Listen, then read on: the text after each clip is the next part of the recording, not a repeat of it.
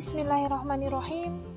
Assalamualaikum warahmatullahi wabarakatuh. Kembali lagi bersama saya Dahlia Fitriani dalam podcast Fitri Story.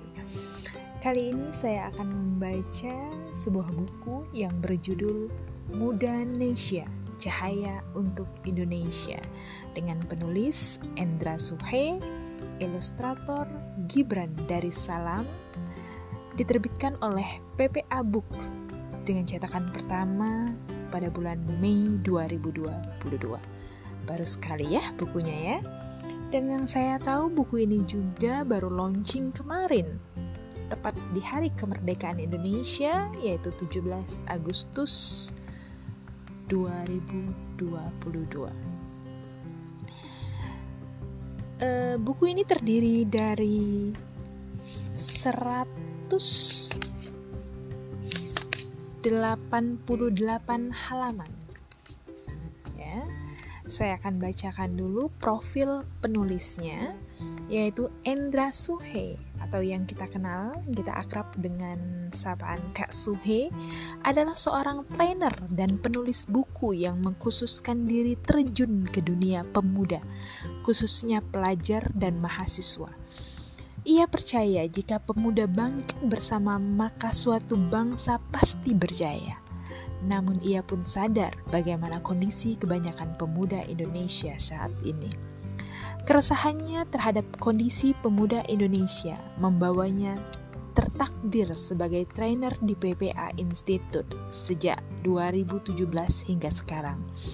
Ia telah bertemu ribuan pemuda di lebih dari 70 kabupaten kota se-Indonesia, mulai dari Aceh hingga ke Papua. Kini bersama rekan-rekannya, ia mengusung sebuah gerakan bernama Muda Indonesia sebagai langkah nyata untuk melibatkan pemuda agar bersatu kembali membawa semangat juang para pahlawan untuk menjadikan Indonesia berjaya dan bercahaya. Teman-teman boleh simak di segmen selanjutnya ya. Tapi sebelumnya untuk buku ini terdiri dari tujuh bab. Bab yang pertama adalah impian Indonesia adalah impian kita. Yang kedua, wahai pemuda, bangsa Indonesia memanggilmu. Bab yang ketiga, generasi cahaya untuk Indonesia. Bab keempat, takwa. Kelima, karya. Keenam, mulia. Dan ketujuh, komunitas generasi cahaya. Dan perlu kita ketahui, Muda Indonesia memiliki yel-yel. Muda Indonesia, takwa, karya, mulia. Baik teman-teman, uh, lanjut ya nanti di segmen selanjutnya untuk bab yang pertama impian Indonesia adalah impian kita. Terus stay di podcast Fitri Story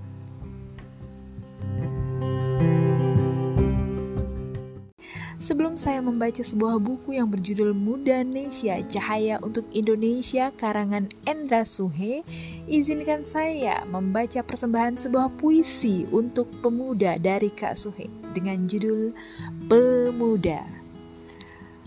Wahai pemuda, jika engkau adalah lautan, maka engkau adalah tsunami yang megah. Jika engkau adalah hari, maka engkau adalah siang yang cerah. Jika engkau adalah bunga, maka engkau sedang merekah, sedang indah-indahnya. Engkau kuat, hebat, dan menawan. Wahai pemuda, suatu saat di masa yang penting lagi genting, engkau akan ditanyai sebuah pertanyaan Masa mudamu digunakan untuk apa? Detik per detiknya akan diputar ulang. Dan pada saat itu, hanya ada dua pilihan yang akan kau rasakan. Tangis penyesalan atau senyum kemenangan. Endra Suhe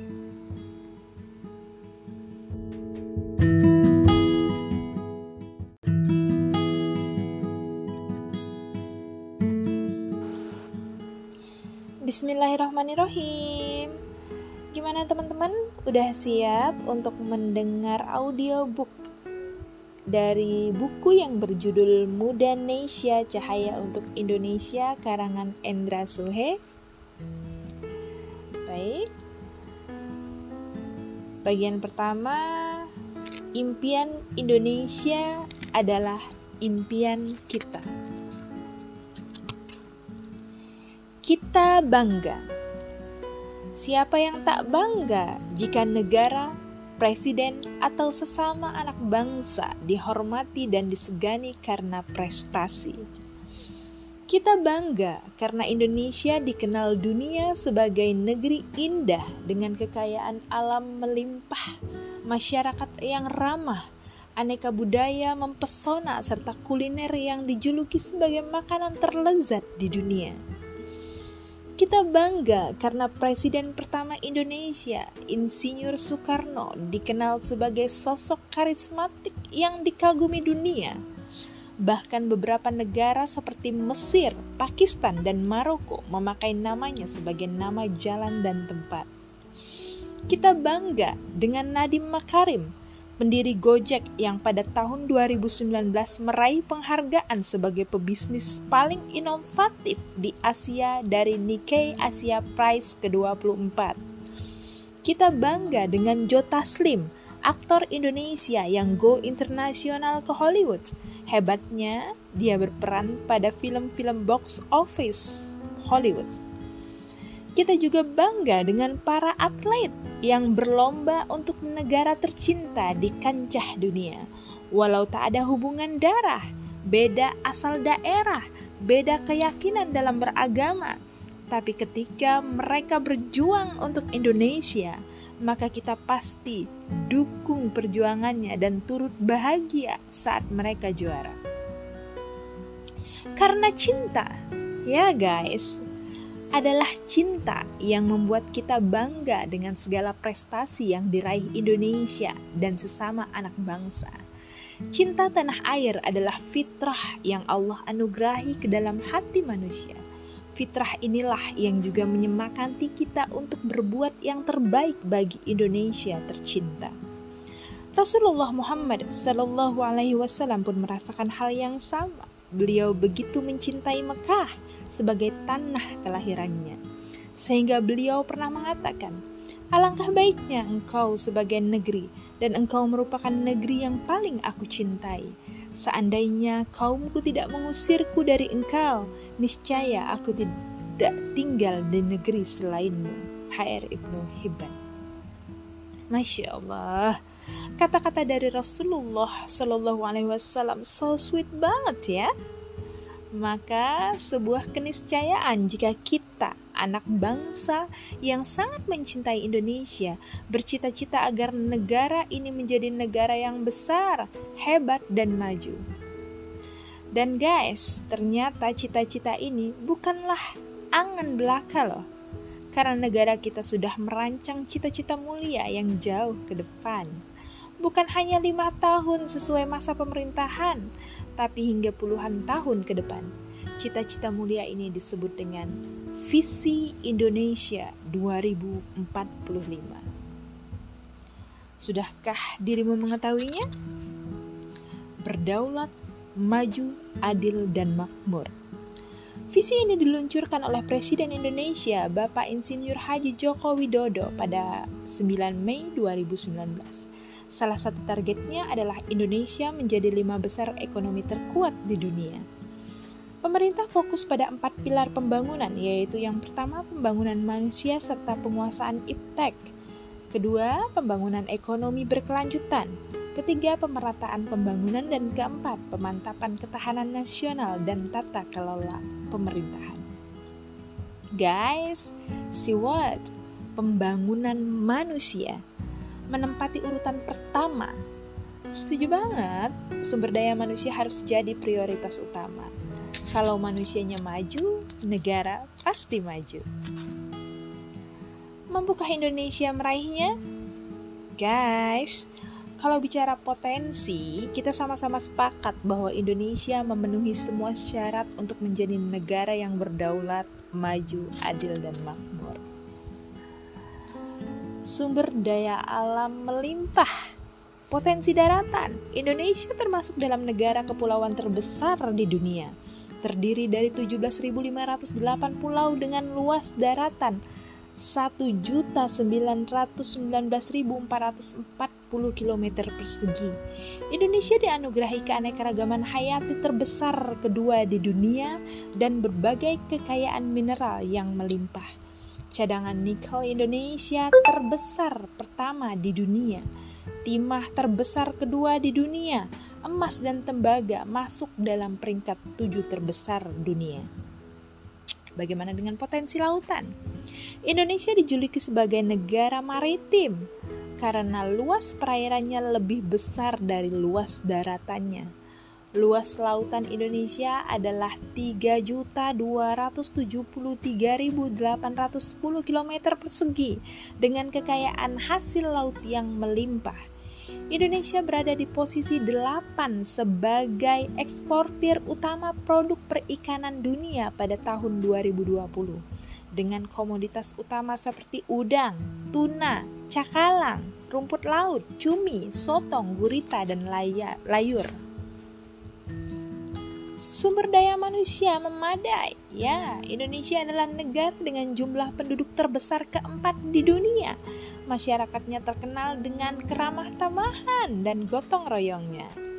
Dan yang terpenting, saat ini Indonesia sedang Allah Subhanahu wa taala anugerahi dengan bonus demografi, yaitu penduduknya didominasi oleh usia produktif antara 15 sampai 65 tahun Menurut data BPS, tahun 2020 penduduk produktif Indonesia mencapai 70,72 persen. Sebagian besar pemuda. Inilah sebabnya pada 14 Mei 2019 majalah Forbes menyebut Indonesia sebagai the new tiger of Southeast Asia. Masya Allah penduduk terbanyak keempat di dunia, ramah, gemar gotong royong, dan sedang mengalami bonus demografi.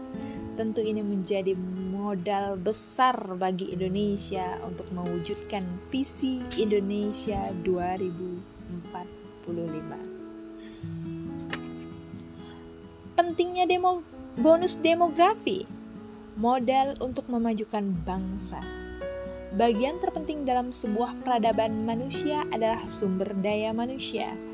Saat ini lebih dari 70% penduduk Indonesia berada pada usia produktif, usia yang siap berkarya. Tentu ini menjadi modal besar bagi kita untuk memajukan bangsa dan negara. Modal untuk menghapuskan kemiskinan, perbandingan jumlah penduduk usia produktif dan non-produktif adalah sebesar 70 banding 30. Artinya ada dua penduduk produktif yang menanggung satu penduduk non-produktif. Jepang berhasil memanfaatkan bonus demografi. Jatuhnya bom atom bom atom ke kota Hiroshima dan Nagasaki pada tahun 1945 membuat Jepang hancur luluh lantang. Bangunan-bangunannya rata dengan tanah. Puluhan ribu penduduk meninggal dunia dan semakin diperparah dengan perekonomian yang remuk karena dua kota tersebut adalah penyangga ekonomi Jepang.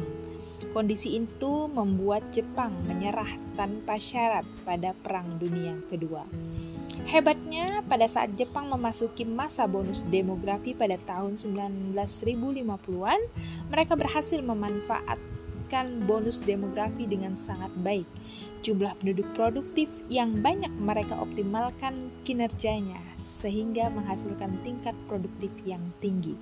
Akhirnya 20-an tahun kemudian, pada tahun 1970-an, Jepang melesat menjadi negara dengan kekuatan ekonomi ketiga dunia setelah Amerika Serikat dan Uni Soviet. Korea Selatan berhasil memanfaatkan bonus demografi. Perang saudara antara Korea Selatan dan Korea Utara pada tahun 1950 sampai 1953 sempat membuat Korea Selatan menjadi salah satu negara termiskin di Asia. Hebatnya, saat Korea Selatan mengalami bonus demografi pada tahun 1970-an, mereka berhasil memanfaat momentum emas tersebut dengan baik Korea Selatan mengoptimalkan peran penduduk produktif pada industri-industri rumah tangga untuk membuat komponen handphone. Alhasil, 20-an tahun kemudian pada tahun 1990-an, mereka telah menjadi negara maju dengan high income rate. Wow, luar biasa. Bagaimana? Menarik? sama-sama dalam kurun waktu sekitar 20-an tahun dengan memanfaat bonus demografi, Jepang dan Korea Selatan berhasil menjelma dari negara yang hancur, miskin menjadi negara yang maju. Bukankah ada kemiripan dengan Indonesia yang menargetkan 24 tahun lagi menjadi negara yang berdaulat, maju, adil, dan makmur? Masya Allah. Semangat guys! Bismillah, insya Allah kita juga bisa seperti Jepang dan Korea Selatan. Secara potensi, kita lebih mumpuni karena selain teranugerahi dengan sumber daya alam melimpah, kita juga Allah muliakan dengan sumber daya manusia terbanyak keempat dunia yang sedang mengalami bonus demografi dan didominasi oleh pemuda.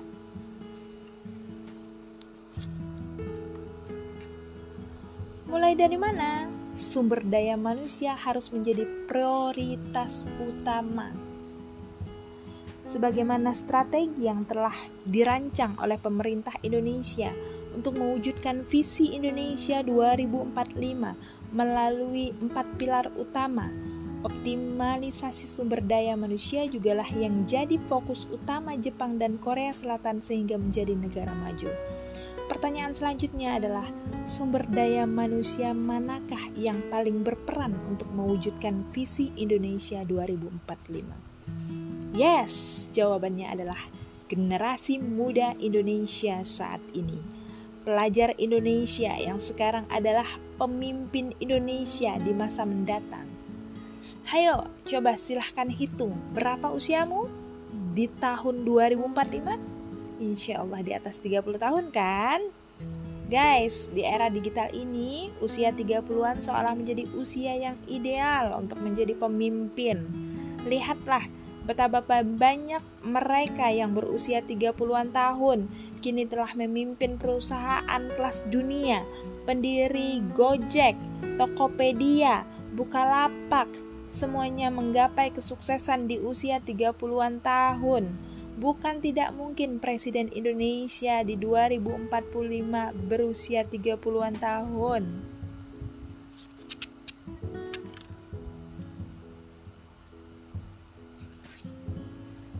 Oke, okay, demikian untuk yang bab bagian pertama. Impian Indonesia adalah impian kita. Next, kita lanjut di bab kedua. Wahai pemuda bangsa Indonesia memanggilmu di podcast selanjutnya ya, segmen selanjutnya. Demikian, Assalamualaikum warahmatullahi wabarakatuh.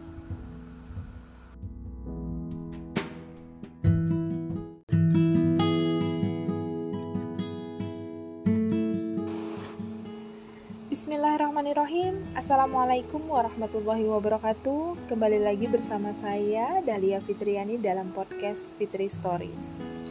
Kali ini kita akan melanjutkan audiobooks kita yang berjudul Muda Indonesia Cahaya untuk Indonesia. Kita sudah beranjak ke bab 2 Wahai pemuda, bangsa Indonesia memanggilmu. Langsung saja ya Sejarah Indonesia, sejarah pemuda. Guys, dalam setiap sejarah kebangkitan bisa dipastikan ada peran pemuda sebagai penggeraknya. Begitu juga dengan Indonesia. Kebangkitan Nasional Kebangkitan Nasional Indonesia 1908 ditandai dengan berdirinya Budi Utomo 20 Mei 1908 organisasi pemuda yang didirikan para pelajar sekolah dokter Jawa Stovia ini dinilai menumbuhkan kesadaran untuk menjadi satu bangsa.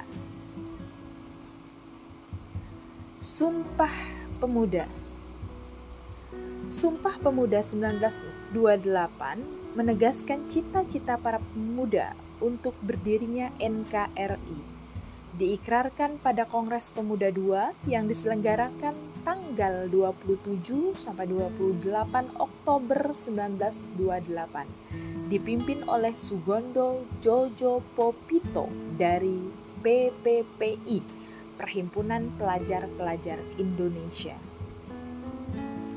Kemerdekaan Indonesia. Peran pemuda sangat penting dalam kemerdekaan Indonesia 1945 desakan pemuda untuk segera memproklamasikan kemerdekaan Indonesia, bahkan hingga mengamankan Soekarno-Hatta ke Rengas Dengklok tercatat jelas dalam sejarah sebagai kontribusi nyata para pemuda. Setiap masa ada orangnya, setiap orang ada masanya. Inilah saatnya dirimulah orangnya. Masa kini adalah masanya pemuda. Engkaulah generasi harapan bangsa, sang arsitek masa depan Indonesia di 2045. Maka, jawablah pertanyaan ini. Siapa, siapkah dirimu menjadi penggerak dan bergerak bersama untuk mewujudkan visi Indonesia 2045 seperti generasi muda Indonesia pada tahun 1908 1928, dan 1945. Bismillah, semoga Allah ridhoi kita berjuang bersama demi kejayaan Indonesia.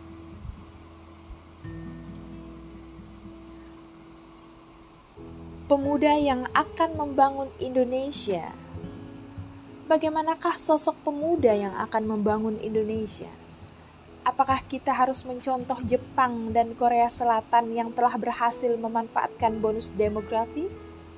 No, no, no.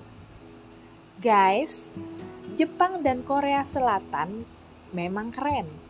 Dalam waktu 20 tahunan, mereka berhasil bangkit dari kondisi buruk dan terpuruk menjadi negara yang kaya dan diakui dunia. Tapi, tahu nggak sih, Ternyata di balik kesuksesan mereka yang luar biasa, terdapat satu masalah yang sangat besar. Apakah itu? Kedua negara ini tergolong dalam lima besar negara dengan tingkat bunuh diri tertinggi di dunia. Sedih ya? Ternyata di balik hebat dan majunya orang-orang Jepang dan Korea Selatan, terdapat jiwa yang rapuh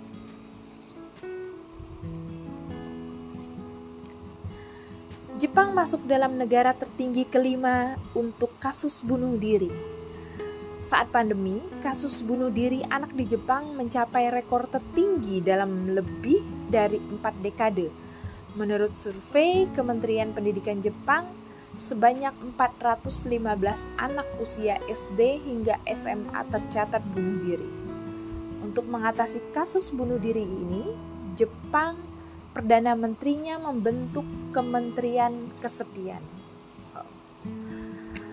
Korea Selatan, negara keempat tertinggi untuk kasus bunuh diri. Untuk menekan angka bunuh diri, sebuah lembaga di Korea Selatan berinisiatif membuat program sekolah kematian bagi warga yang masih hidup dengan tujuan agar peserta merasakan pengalaman kematian dan lebih menghargai hidupnya. Mereka disiapkan sesi pengambilan pas foto, lalu menulis surat wasiat untuk para kerabat dan berbaring di peti mati sambil diminta untuk merenungi dan memaknai kembali kehidupannya. Wow. Apa yang menjadi penyebabnya? Kalau kita melihat Jepang dan Korea Selatan dari kacamata spiritual, maka kita bisa menyimpulkan penyebab terbesar rapuhnya jiwa mereka. Ya, lemahnya pemaknaan terhadap agama menjadi pemicu utama. Masyarakat Jepang dikenal sebagai negara yang aneh. Dalam beragama, total penduduk yang beragama lebih banyak daripada jumlah penduduknya. Kok bisa ya? Karena satu orang Jepang bisa memiliki beberapa agama. Lahir sebagai penganut Shinto, menikah dalam upacara pernikahan Kristen, dan meninggal dengan upacara pemakaman Buddha. Korea Selatan justru sebaliknya lebih dari setengah lim, setengah 56,1 persen penduduk Korea Selatan tidak memiliki agama atau alias ateis. Guys, apalah artinya kecerdasan jika membuat kita jauh dari Tuhan, Sang Pencipta? Nauzubillah. Oke, jelas dong ya. Sebagai negara yang berdasarkan Pancasila, kita nggak perlu repot-repot meniru Jepang dan Korea Selatan. Kita Indonesia.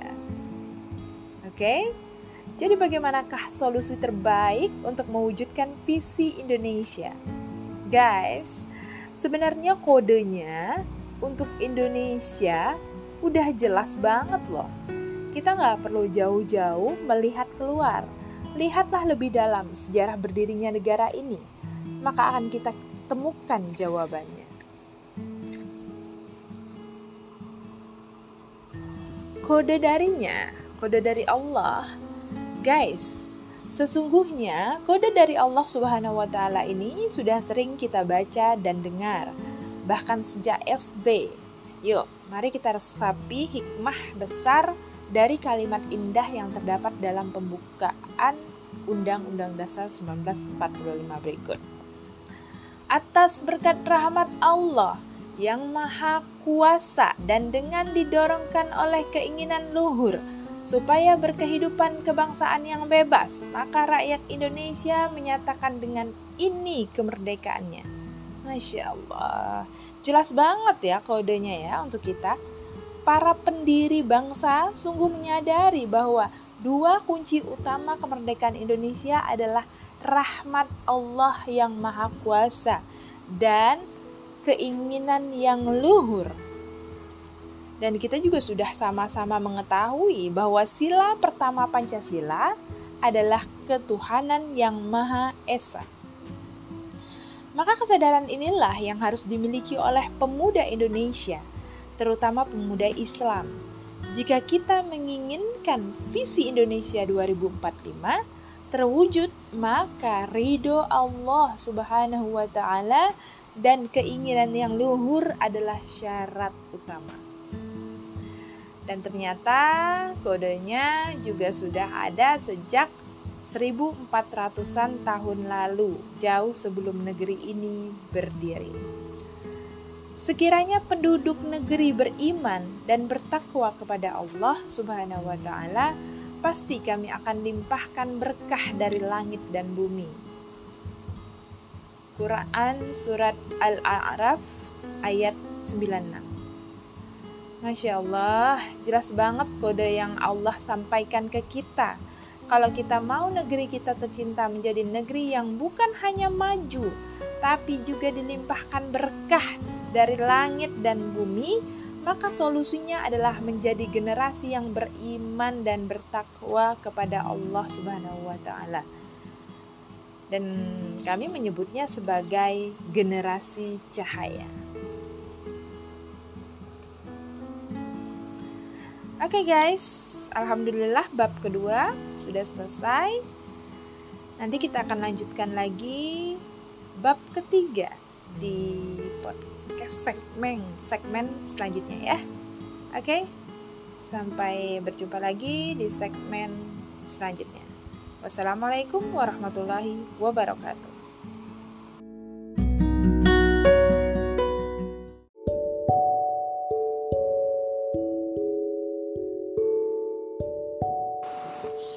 Bismillahirrahmanirrahim. Assalamualaikum warahmatullahi wabarakatuh. Bersama saya Dahlia Fitriani dalam podcast Fitri Story. Kali ini kita akan melanjutkan audiobooks kita Mudanesia Cahaya untuk Indonesia. Dan kali ini kita sudah beranjak pada bab 3 Generasi Cahaya untuk Indonesia. Oke langsung saja. Tak seorang pun manusia yang ingin berada dalam gulita. Hidup kalut, takut, tak tahu hendak ke mana, dan berpotensi menuai bencana. Guys, cahayalah yang membuat hidup menjadi indah dan terarah. Itulah sebabnya Rasulullah Muhammad Sallallahu Alaihi Wasallam mengajarkan kepada kita untuk berdoa kepada Allah Subhanahu Wa Taala agar hidup dengan cahayanya. Bagaimana doanya? Bismillahirrahmanirrahim.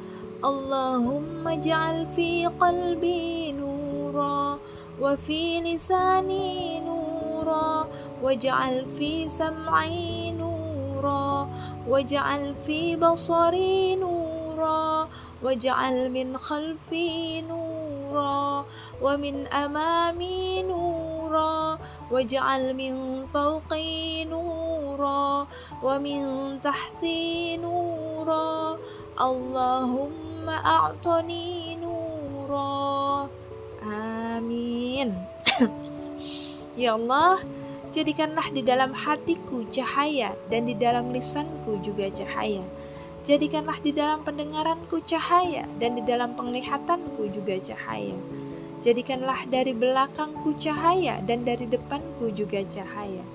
Jadikanlah dari atasku cahaya dan dari bawahku juga cahaya.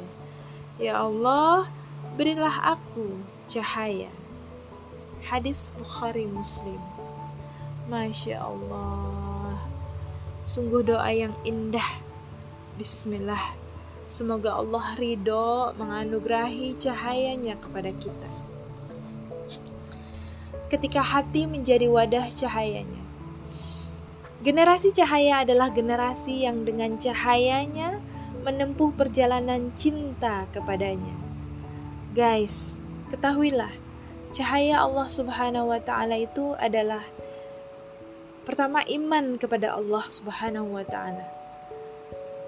Dia mengeluarkan mereka dari kegelapan, kekafiran kepada cahaya iman. Quran surat Al-Baqarah ayat 257. Yang kedua Al-Qur'an yang mulia dan telah kami turunkan kepada kalian cahaya yang telah ber, yang terang benderang Al-Qur'an. Quran surat An-Nisa ayat 174.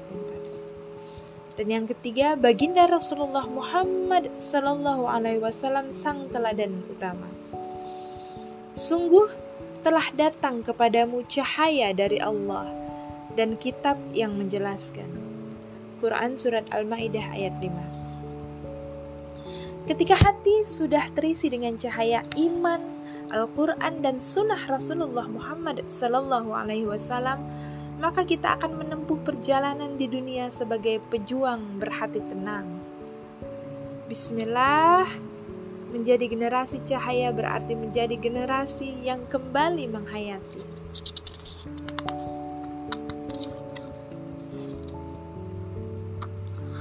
Sang pembawa cahaya dan teladan utama.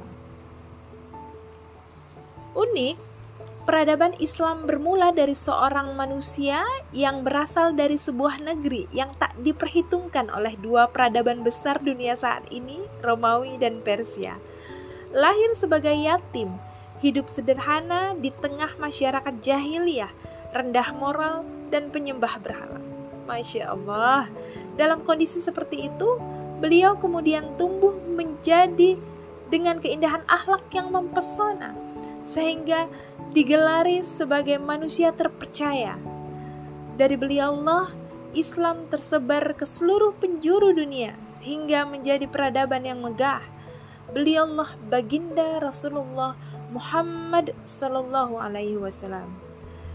And you know guys, 20 tahun adalah waktu yang Rasulullah tempuh dalam membangun peradaban Islam. Masya Allah, mirip dengan waktu kita menuju visi Indonesia 2045. Guys, pernahkah kamu bertanya, mengapa pengaruh beliau bisa seberdampak itu? Jawabnya, karena beliau adalah manusia terpilih yang telah Allah desain untuk menjadi teladan utama bagi seluruh umat manusia. Sungguh, telah ada pada diri Rasulullah itu suri teladan yang baik bagimu. Quran Surat Al-Ahzab ayat 21 Sehingga wajar jika Michael Hahart dalam bukunya The 100 Ranking of the Most Influential Person in History menempatkan baginda Rasulullah Muhammad Sallallahu Alaihi Wasallam dalam urutan pertama sebagai manusia paling berdampak sepanjang sejarah umat manusia. Masya Allah. Indahnya cahaya peradaban Islam. Guys, peradaban yang berdaulat, maju, adil, dan makmur adalah peradaban yang pernah dicapai oleh peradaban Islam. Islam merupakan peradaban indah dan megah yang pernah berjaya selama lebih dari 1300 tahun, tersebar luas ke seluruh penjuru dunia. Bahkan 22 tahun setelah Rasulullah hijrah ke Madinah, Islam telah mencahayai setengah dunia, yaitu pada masa Khalifah Umar bin Khattab radhiyallahu anhu. Pada masa kejayaan peradaban Islam, ilmu pengetahuan melaju pesat hingga disebut sebagai masa keemasan. Hal ini dikarenakan cahaya peradaban yang berkilau terang, yaitu pengetahuan dan penelitian yang menghasilkan banyak penemuan, sehingga diakui memiliki pengaruh penting terhadap peradaban modern saat ini. Sebaliknya, Eropa justru sedang berada dalam masa kegelapan, terjadi selama masa pertengahan yaitu abad kelima hingga abad ke-15 Gelapnya peradaban Eropa ditandai dengan penindasan, kemiskinan, penjarahan, penyakit, dan tidak berkembangnya ilmu pengetahuan. Keadilan pemimpin dan kesejahteraan rakyat menjadi ciri khas peradaban Islam. Salah satu kisah fenomenal terjadi pada masa kepemimpinan Umar bin Abdul Aziz yang juga digelari sebagai Khalifatul Rashidin kelima di mana rakyatnya hidup sejahtera, bahkan pemerintah kesulitan mencari orang miskin untuk diberikan zakat. Masya Allah. Sejarah panjang Islam di Indonesia. Bicara Islam dan Indonesia berarti bicara tentang sejarah yang amat panjang. Guys, ternyata Islam sudah masuk ke Nusantara sejak abad ke-7 Masehi dan ini bukan kira-kira, sudah dikaji oleh para peneliti dan telah resmi ditetapkan oleh pemerintah mengenai titik nol masuknya Islam ke Indonesia. Titik nol itu berada di Barus, Tapanuli Tengah, Sumatera Utara. Terdapat 215 makam dalam komplek pemakaman muslim yang bernama Makam Mahligai pada salah satu makam tercatat nama makam Syekh Rukunuddin yang diyakini berasal dari Jazirah Arab yang wafat malam 13 Syafar 48 Hijriah atau 672 Masehi, abad ke-7 Masehi. Hal senada pernah disampaikan oleh Buya Hamka yaitu Islam masuk ke Indonesia langsung dari Arab pada abad ke-7 Masehi masih dalam zaman Khulafaur Rashidin. Masya Allah, kebayang ya bagaimana kesungguhan para pendakwah Islam zaman Khulafaur Rashidin kala itu. Jauh-jauh dari Jazirah Arab mengemban misi dakwah ke Indonesia dan saat itu belum ada pesawat terbang dan kapal modern kan? Sehingga bisa dipastikan untuk sampai ke Indonesia tentu membutuhkan waktu yang sangat lama. Insya Allah, berkah kesungguhan inilah yang menjadi penyebab Allah ridho cahaya Islam tersebar ke seluruh penjuru Indonesia. Kemudian lahir banyak kerajaan Islam dan tokoh Islam sehingga akhirnya Allah anugerahi Indonesia sebagai negara dengan penduduk muslim terbanyak nomor satu di dunia. Allahu Akbar. Tokoh Islam dan kemerdekaan Indonesia Sejarah mencatat, beberapa hari sebelum proklamasi kemerdekaan Indonesia, Bung Karno mengirim utusannya kepada pendiri NU Kiai Haji Hashim Asyari untuk meminta nasihat mengenai waktu proklamasi kemerdekaan. Lalu Kiai menyarankan hari Jumat bulan Ramadan, Masya Allah. 17 Agustus 1945 adalah hari Jumat 9 Ramadan 1364 Hijriah. Rumah di Jalan Penggangsaan Timur nomor 56 yang dipakai untuk memproklamasikan kemerdekaan Indonesia adalah milik seorang pengusaha muslim Arab Indonesia, Faraj bin Said bin Awad Martak, yang kemudian menghibahkan rumah tersebut juga membelikan sejumlah gedung di Jakarta untuk pemerintah. Masya Allah. Menghibahkan rumah tersebut juga membelikan sejumlah gedung di Jakarta untuk pemerintah. Masya Allah. Sultan Siak dari Riau, Sultan Syarif Kasim II, mendonasikan hartanya dengan jumlah yang sangat banyak untuk modal mempertahankan kemerdekaan Indonesia, yaitu 13 juta gulden Belanda atau seribu T, mahkota berlian, pedang keris, dan harta-harta bernilai lainnya. Peristiwa bersejarah demi mempertahankan kemerdekaan yaitu pertempuran Surabaya 10 November 1945 juga tak lepas dari peran umat Islam. Ada dua hal yang membuat masyarakat nekat melawan pasukan Inggris saat itu yaitu resolusi jihad dari Kiai Haji Hasim Asyari dan pidato bersemangat yang ditutup dengan pekikan takbir dari Bung Tomo. Allahu Akbar. Kisah pemuda dalam Al-Quran Dalam Islam, pemuda digambarkan sebagai suatu masa yang positif dan istimewa. Allah Subhanahu wa Ta'ala menyebut pemuda di dalam Al-Quran dengan kalimat yang sungguh mengagumkan, yaitu satu kekuatan di antara dua kelemahan. Sungguh istimewa pemuda, sehingga ada satu surat di dalam Al-Quran yang mengisahkan tentang pemuda, yaitu surat Al-Kahfi. Al-Quran juga berkisah tentang pemuda, yaitu tentang tentu saja bisa jadi inspirasi bagi kita yang pertama adalah kisah pemuda Yusuf yang tak goyah imannya walau digoda oleh wanita cantik jelita. Terus kisah pemuda Ibrahim yang berani menolak kesyirikan dengan menghancurkan berhala. Dan lagi kisah pemuda Ismail yang bersih hatinya, penyabar dan patuh kepada orang tuanya.